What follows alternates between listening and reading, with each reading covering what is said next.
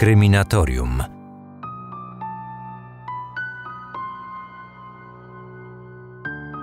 Analizując takie sprawy jak te, o której za chwilę usłyszycie, często zastanawiam się, ilu sprawcom w podobnych sytuacjach udało się uciec przed wymiarem sprawiedliwości. Ile zaginionych osób, które padły ofiarą zbrodni, do dziś nie zostało odnalezionych. Ja nazywam się Marcin Myszka, a to nowy odcinek Kryminatorium. Przypominam, że nowe materiały znajdziecie w aplikacjach podcastowych takich jak Spotify w każdy poniedziałkowy poranek. Otwieramy akta tajemnic. Na wstępie zaznaczę jeszcze, że nazwiska postaci, które pojawiają się w tej historii, zostały przeze mnie zmienione. Wudzen to niewielka wioska położona w województwie kujawsko-pomorskim, nieco ponad 20 km na północ od Bydgoszczy. To właśnie miejsce akcji naszej dzisiejszej historii. Według danych znalezionych na Wikipedii, wioska liczy 893 mieszkańców. Tak było przynajmniej pod koniec zeszłego roku, ale zakładam, że ta liczba przez ostatnie miesiące specjalnie się chyba nie zmieniła. Swoją drogą, jak na tak małą miejscowość, to ma ona całkiem obszerny wpis na Wikipedii. Ale do rzeczy, bo zebraliśmy się tutaj, aby posłuchać o tajemniczej sprawie kryminalnej, a nie o historii wioski, prawda? To właśnie tam, na początku 1953 roku, doszło do zaginięcia Heleny i Alojzego Sobczaków. Małżeństwo było w podeszłym wieku. Alojzy był inwalidą, nie miał nogi. Prowadził hodowlę kanarków oraz niewielkie gospodarstwo. Mężczyzna był bardzo przywiązany do swoich zwierząt. Sporo czasu poświęcał na opiekę nad nimi. Razem z Sobczakami mieszkał ich 24-letni syn, Edward. Po tym, gdy starsze małżeństwo zniknęło, przekonywał on wszystkich, że jego rodzice wyjechali na ziemię odzyskane, aby tam objąć gospodarstwo rolne. Ta wersja od razu wydawała się mało prawdopodobna, zarówno dla milicjantów, którzy przyglądali się sprawie zaginięcia, jak i dla znajomych małżeństwa. Wiosną 23 kwietnia Edward został wezwany na przesłuchanie do komendy milicji w Bydgoszczy.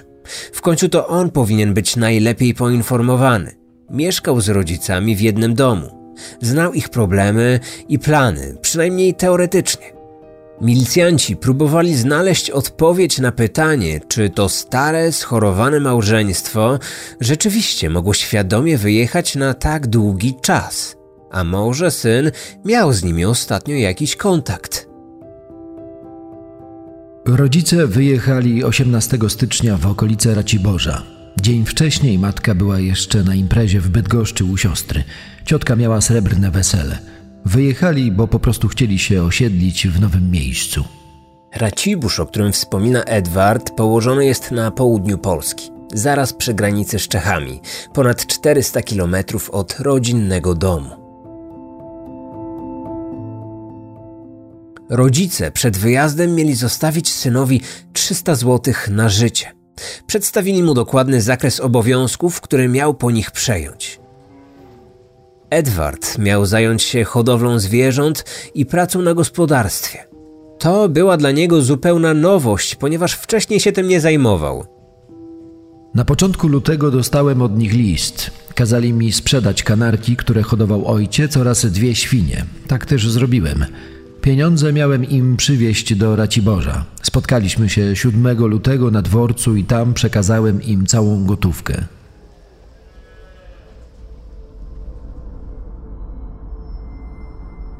Według relacji Edwarda wychodzi więc na to, że małżeństwo żyje i wyjazd był ich świadomą decyzją. Na tym spotkaniu Edward miał dowiedzieć się, że rodzice kupili dom w chałupkach, położonych około 20 km od Raciborza. Ta miejscowość zlokalizowana jest jeszcze bliżej czeskiej granicy. Jak przekonywał młody Sobczak, budynek, który nabyli jego rodzice, był w remoncie i przynajmniej na razie nie nadawał się jeszcze do zamieszkania. Helena i Alois poprosili więc, aby ewentualną korespondencję adresować na gospodarza o nazwisku Czyż lub Kortus. Mieli oni mieszkać w okolicy, w chałupkach. Helena i Alois planowali odwiedzić Wudzyn pod koniec lutego. Z tej obietnicy nigdy się jednak nie wywiązali. Edward tłumaczył, że zaraz po przeczytaniu wiadomości spalił zarówno list, który otrzymał od rodziców, jak i kopertę, w której była wiadomość. Nie mógł więc udowodnić, że taka korespondencja rzeczywiście została do niego wysłana.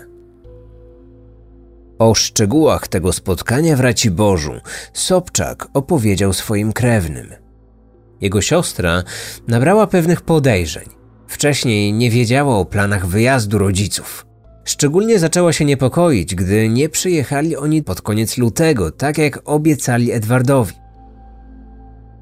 Kobieta wysłała nawet do nich kilka listów y, pod te adresy, które przekazali synowi, ale żaden z nich nie dotarł, ponieważ listonosz nie znalazł pod wskazanym miejscem rodziny o nazwisku Czyż lub Kortus. Edward też przekonywał, że ta sytuacja go niepokoi, ale nie chciał zawiadamiać milicji. Tłumaczył, że i tak nie będą w stanie im pomóc, nie ma więc sensu, aby angażować ich w całą sprawę.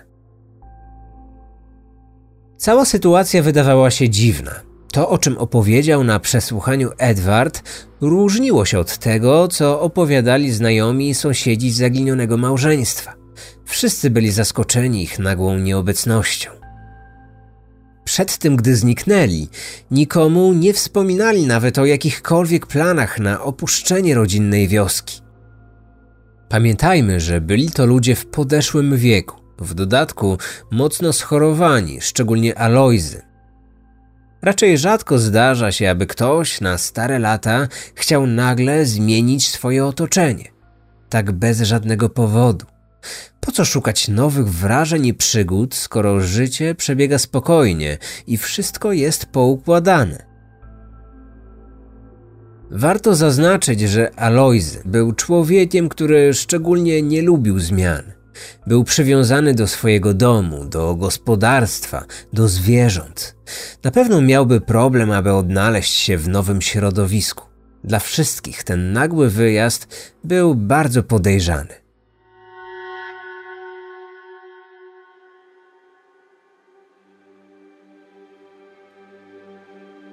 Sobczakowie narzekali jednak na swojego syna. Podobno nie chciał im pomagać. Nazywano go leniem. Z tego też powodu dochodziło w tej rodzinie do awantur. Edward jakiś czas wcześniej związał się z pewną kobietą. Para planowała się nawet pobrać, ale kandydatka na żonę nie do końca podobała się jego rodzicom. Sugerowali, że Edward nie dokonał słusznego wyboru. Oczekiwali innej synowej. Sąsiedzi zauważyli nieobecność starszego małżeństwa w styczniu. Jeden ze świadków zapamiętał sytuację z tego okresu, która wydała mu się dziwna i podejrzana. Oto jego słowa. Wszyscy wiedzieli, że z tego Edwarda to jest nierób. Nie był chętny do pomocy. Nigdy nie zajmował się sprzątaniem inwentarza, dlatego zdziwiło mnie, że tego dnia wszedł razem z matką do obory. Nie widziałem, aby kobieta stamtąd wyszła. Właściwie to od tego czasu więcej jej nie widziałem. W kolejnych dniach w oborze pracował już jedynie Edward. Czasami pomagała mu tylko jego kuzynka.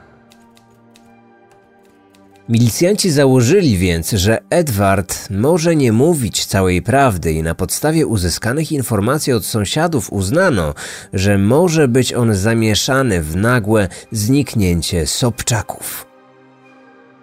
On sam także czuł, że z czasem trafi na celownik śledczych. Dzień po swoim przesłuchaniu opowiedział znajomemu, którego także przepytywała już milicja, że spodziewa się aresztowania. Niektórzy ze świadków zauważyli u Edwarda w ostatnim czasie nagły przypływ gotówki.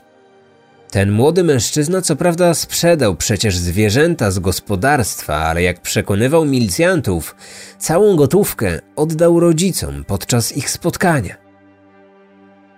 Milicjanci zaczęli śledztwo od sprawdzenia adresu, który przekazali zaginieni. Bo skoro ta korespondencja nie doszła do nadawcy i wróciła, to mogło być tak, że gospodarze o nazwisku Kortus i Czyż nawet nie istnieją. Te obawy szybko się potwierdziły, bo pod tym adresem nie tylko nie mieszkał nikt o takim nazwisku, ale takich osób nie kojarzyli nawet inni mieszkańcy miejscowości. Hipoteza o ich wyjeździe na drugi koniec kraju wydawała się nieprawdopodobna, tym bardziej, że poza Edwardem nikt tego scenariusza nie potwierdził. W przypadku starszych osób zaginięcia często mogą być efektem nieszczęśliwego wypadku. Zdarza się, że senior cierpiący na demencję wychodzi z domu i idąc przed siebie traci orientację w terenie. Nie potrafi wrócić do domu. Traci siły, wpada do stawu lub szukając schronienia chowa się w trudno dostępnych miejscach, np. w lesie gdzieś pod gałęziami. Później bardzo trudno takie osoby odnaleźć. Pomoc nie przychodzi na czas. Zaginieni umierają. To w przypadku seniorów niestety częsty scenariusz zaginięć. W tym jednak wypadku tej hipotezy nie brano pod uwagę. W końcu syn przedstawiał zupełnie inną wersję zdarzeń. Był pewny, że rodzice wyjechali i uparcie tej wersji się trzymał. Nie było jednak żadnego śladu, który jego słowa mógłby potwierdzić. Milicjanci założyli więc hipotezę, która wydawała się w tamtym czasie najbardziej prawdopodobna. Wytypowano Edwarda jako sprawcę zabójstwa, albo przynajmniej osobę, która mogła mieć związek z zaginięciem i śmiercią małżeństwa. 30 maja 1953 roku, a więc ponad trzy miesiące po zaginięciu, Edward został aresztowany pod zarzutem zabójstwa rodziców. Jednak wciąż do niczego się nie przyznawał. Nie było bezpośrednich dowodów na jego winę, a przeszukanie jego rodzinnego domu również nie przyniosło odpowiedzi na pytanie, gdzie podziało się małżeństwo, albo raczej, tak jak zakładali milicjanci, w jaki sposób zginęli, gdzie są ich zwłoki, bo to, że nie żyją, było dla śledczych raczej pewne. Udało się co prawda dotrzeć do osoby, która zeznała, że Edward przenosił wielką walizkę. Tę sytuację zapamiętał bagażowy ze stacji PKP w pobliskiej miejscowości. Oczywiście ten fakt mógł mieć związek ze zbrodnią. Znamy przecież sytuację, kiedy to sprawcy pozbywali się w taki sposób rozkawałkowanego ciała. Jednak na taką wersję zdarzeń nie było dowodów. Transport ciężkiej walizki nie robi przecież z nikogo mordercy. Zresztą ta sytuacja szybko się wyjaśniła. Edward znalazł na to wytłumaczenie. Mogli mnie widzieć na dworcu, bo wyjeżdżałem z domu z walizką. Miałem w niej ubrania, które zawiozłem do siostry w Bydgoszczy. Kobieta potwierdziła te słowa. Trop okazał się więc nietrafiony. Podczas kolejnych przesłuchań Edward nie zmieniał swoich wyjaśnień. Milicjantom z kolei nie udało się znaleźć śladów, które mogłyby świadczyć o tym, że mężczyzna kłamie. Dlatego też po jakimś czasie śledztwo zostało umorzone i Edward mógł wrócić do swojego rodzinnego domu. Oczywiście w czasie jego tymczasowego aresztu nie pojawiły się żadne sygnały od poszukiwanego małżeństwa.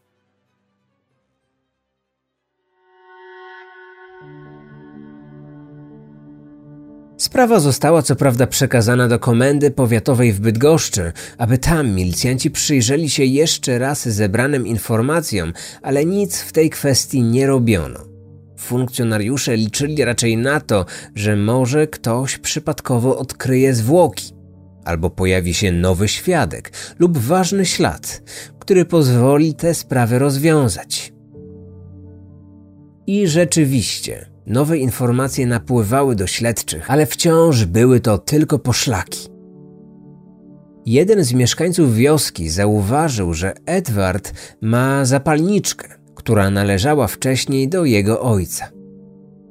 Inny z kolei widział, że jego narzeczona przymierzała złotą obrączkę, którą kiedyś najprawdopodobniej nosiła zaginiona Helena.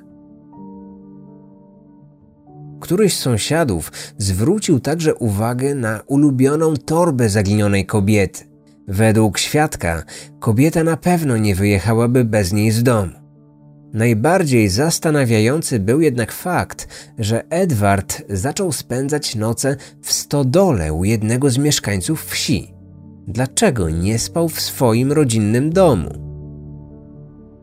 Przyznajcie, że to wszystko wygląda podejrzanie, jednak były to tylko poszlaki. Na ich podstawie nie można było młodemu Sobczakowi niczego udowodnić. Nieco ponad rok po zaginięciu małżeństwa Edward złożył zażalenie do Rady Państwa. Krytykował działania milicji i prokuratury, wskazywał na bezowocne poszukiwania, czuł się pokrzywdzony. Sugerował, że działania śledczych i podejrzenia w jego kierunku nadszarpnęły jego dobre imię. Prosił o podjęcie ponownych działań, które doprowadzą do rozwiązania zagadki i odnalezienia jego rodziców.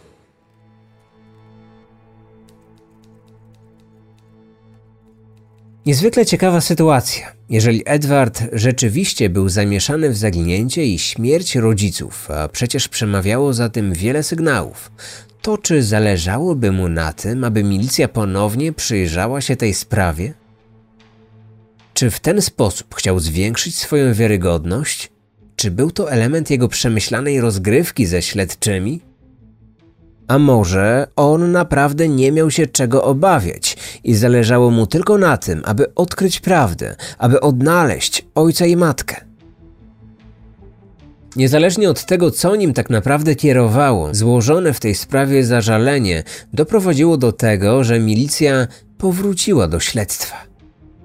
Do komendy głównej milicji ściągnięto akta umorzonego śledztwa. Funkcjonariusze przeanalizowali zebrane wcześniej informacje i doszli do wniosku, że Edward ma rację. Miał prawo czuć się pokrzywdzony. W śledztwie niestety popełniono wiele błędów. Co prawda przeszukano dom i teren posesji, ale w dokumentach próżno było szukać informacji, jak długo trwały te czynności, Jakie miejsca przeszukano? Czy przekopywano ziemię obok domu? Czy sprawdzono dokładnie każde pomieszczenie? Strych lub piwnica? Czy tam także zaglądali milicjanci? Czy skupiono się na szukaniu śladów krwi? Czy zwrócono uwagę na rzeczy osobiste zaginionych? Czy małżeństwo wzięło ze sobą ważne dla siebie przedmioty? To niezwykle ważne aspekty, które wtedy zbagatelizowano. Przesłuchania Edwarda także pozostawiały wiele do życzenia. Po analizie akt śledztwa stwierdzono, że milicjanci mogli lepiej przyłożyć się do swojej pracy. Nie zapytano nawet, jak ubrani byli Helena i Alojzy w dniu zniknięcia. A to przecież podstawowe, najważniejsze informacje w podobnych sytuacjach. Jakie rzeczy ze sobą wzięli, od kiedy planowali wyjazd? O to nikt nie zapytał Edwarda. Sąsiedzi mówili przecież o awanturach w domu Sobczaków. Ten wątek także nie został poruszony podczas rozmowy z synem zaginionych. Edward zapewniał, że pozbył się tego listu, który przysłali rodzice, ale czy naprawdę taki list otrzymał? Okej, okay, załóżmy, że naprawdę zniszczył tę wiadomość i nie miał na to dowodu. Ale były inne sposoby, aby zweryfikować te informacje. Można było na przykład porozmawiać z listonoszem. Może pamiętałby o dostarczeniu takiej przesyłki. Jednak tego również nie zrobiono. Nie sprawdzono także, czy w okolicach Boża państwo Sobczakowie dokonali meldunku, ani czy po rzekomej przeprowadzce Alojzy nadal pobierał rentę inwalidzką. Z czegoś musieli się przecież utrzymywać. Wobec tak licznych błędów i niedopatrzeń sprawa nie mogła się zakończyć inaczej niż umorzeniem śledztwa. Chyba, że główny podejrzany przyznałby się do zbrodni, ale tak się wtedy nie stało.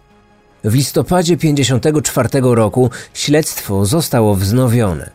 Edward ponownie został aresztowany, a w domu państwa Sobczaków ponownie przeprowadzono rewizję. Przeszukanie posiadłości miało się odbyć w obecności syna. Milicjanci rozpoczęli od piwnicy domu. Nie zdążyli się nawet jeszcze dobrze zabrać do pracy, gdy Edward powiedział: Panowie, nie musicie szukać w całym domu. Trafiliście z tą piwnicą. To właśnie tutaj zakopałem zwłoki. Zaraz ich znajdziecie. Pokażę wam. Kilka ruchów szpadla wystarczyło, aby potwierdzić te słowa.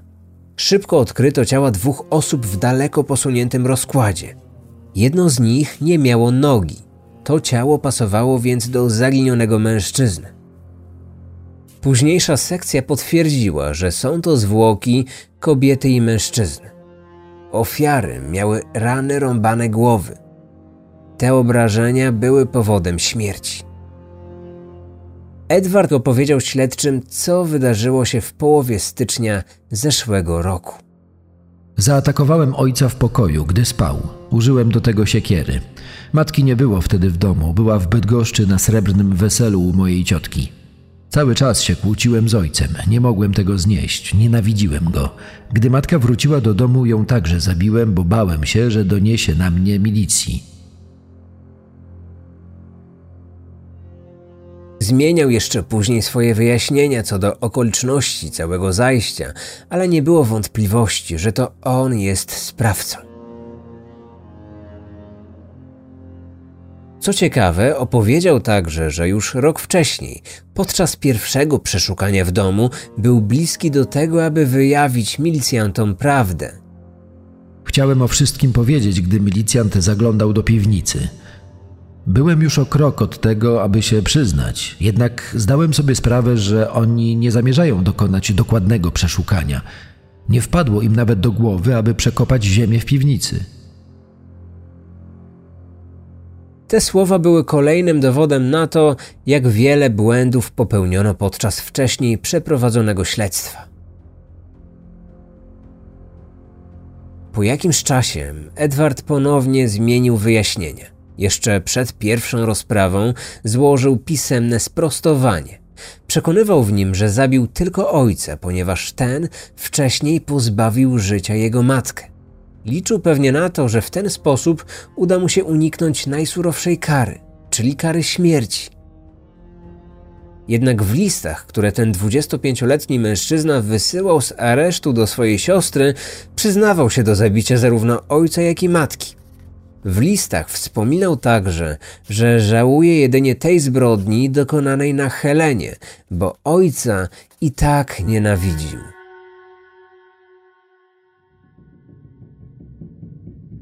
W trakcie procesu dalej przekonywał, że odpowiada tylko za śmierć ojca, że bił go w odwecie za matkę.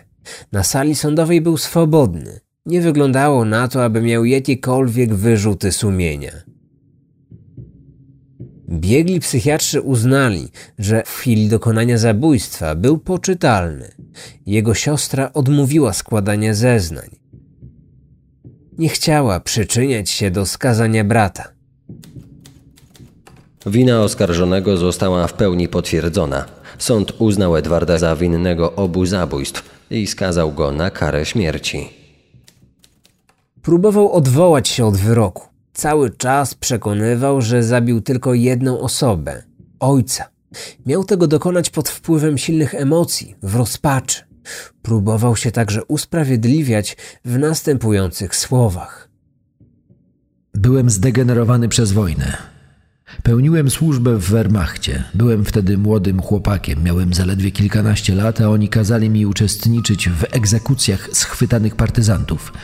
Kilka razy musiałem patrzeć na to, jak strzelają do moich rodaków. Te obrazy pozostawiły duży ślad w mojej psychice. Jednak te tłumaczenia niczego już nie zmieniły. Wyrok wykonano 20 października 1955 roku w bydgoskim więzieniu. W kolejnym dziesięcioleciu egzekucje na przestępcach sądzonych w Bydgoszczy wykonywano już poza tym miastem. Dla przykładu mogę podać postać Stefana Rachubińskiego, czyli antybohatera mojego audioserialu Rozpruwacza z Bydgoszczy. Ten dwukrotny zabójca prostytutek także został skazany przez bydgoski sąd, ale wyrok wykonano w Poznaniu i tam też ten mężczyzna, ten przestępca został pochowany. Na dziś to już wszystko, ale nie wyłączajcie jeszcze aplikacji, ponieważ mam dla Was ważny komunikat. W sierpniu możecie przygotować się na wiele podobnych historii, w których przedstawię kryminalne śledztwa PRL.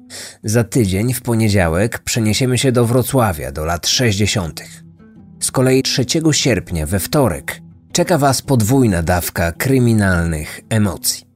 O 22 na CBS Reality pojawi się pilotażowy odcinek nowej polskiej produkcji Kryminalne Śledztwa PRL. Mogę Wam już teraz zdradzić, że będzie to bardzo udany program i pierwszy epizod tej serii dotyczyć będzie sprawy Edmunda Kolanowskiego, czyli nekrofila z Poznania lub zimnego chirurga. I po tej telewizyjnej premierze, gdy odcinek skończy się o 23, ruszy sprzedaż naszego audioserialu o tej samej historii. Sprawa Edmunda Kolanowskiego to ośmiodcinkowy dokumentalny audioserial o najbardziej przerażającej postaci powojennej Polski. Ten projekt zrealizowałem wspólnie z Michałem Larkiem, którego na pewno kojarzycie z podcastu Zabójcze opowieści. W naszej serii usłyszycie wypowiedzi emerytowanych milicjantów, którzy pracowali nad śledztwem o kryptonimie Nekrofil. Ponadto w audioserialu pojawią się także wypowiedzi świadków oraz ekspertów, m.in. profilerów. Do udziału zaprosiliśmy Jana Gołębiowskiego i Łukasza Wroniskiego. Niesamowicie obszerna produkcja, kilka godzin materiału o jednej sprawie kryminalnej, dokładna historia nekrofila, dokładnie opowiedzieliśmy o kulisach całego śledztwa i przedstawiamy te historie z różnych perspektyw. Przypominam start sprzedaży za tydzień, 3 sierpnia o 23. Bądźcie wtedy na stronie eda.kryminatorium.pl, ale spokojnie, przypomnę Wam jeszcze, gdy nadejdzie na to odpowiedni czas. Do usłyszenia w nadchodzący poniedziałek. Odcinek powstał na podstawie artykułu Obłudna taktyka rodzicobójcy, opublikowanego w magazynie Problemy kryminalistyki w 1967 roku.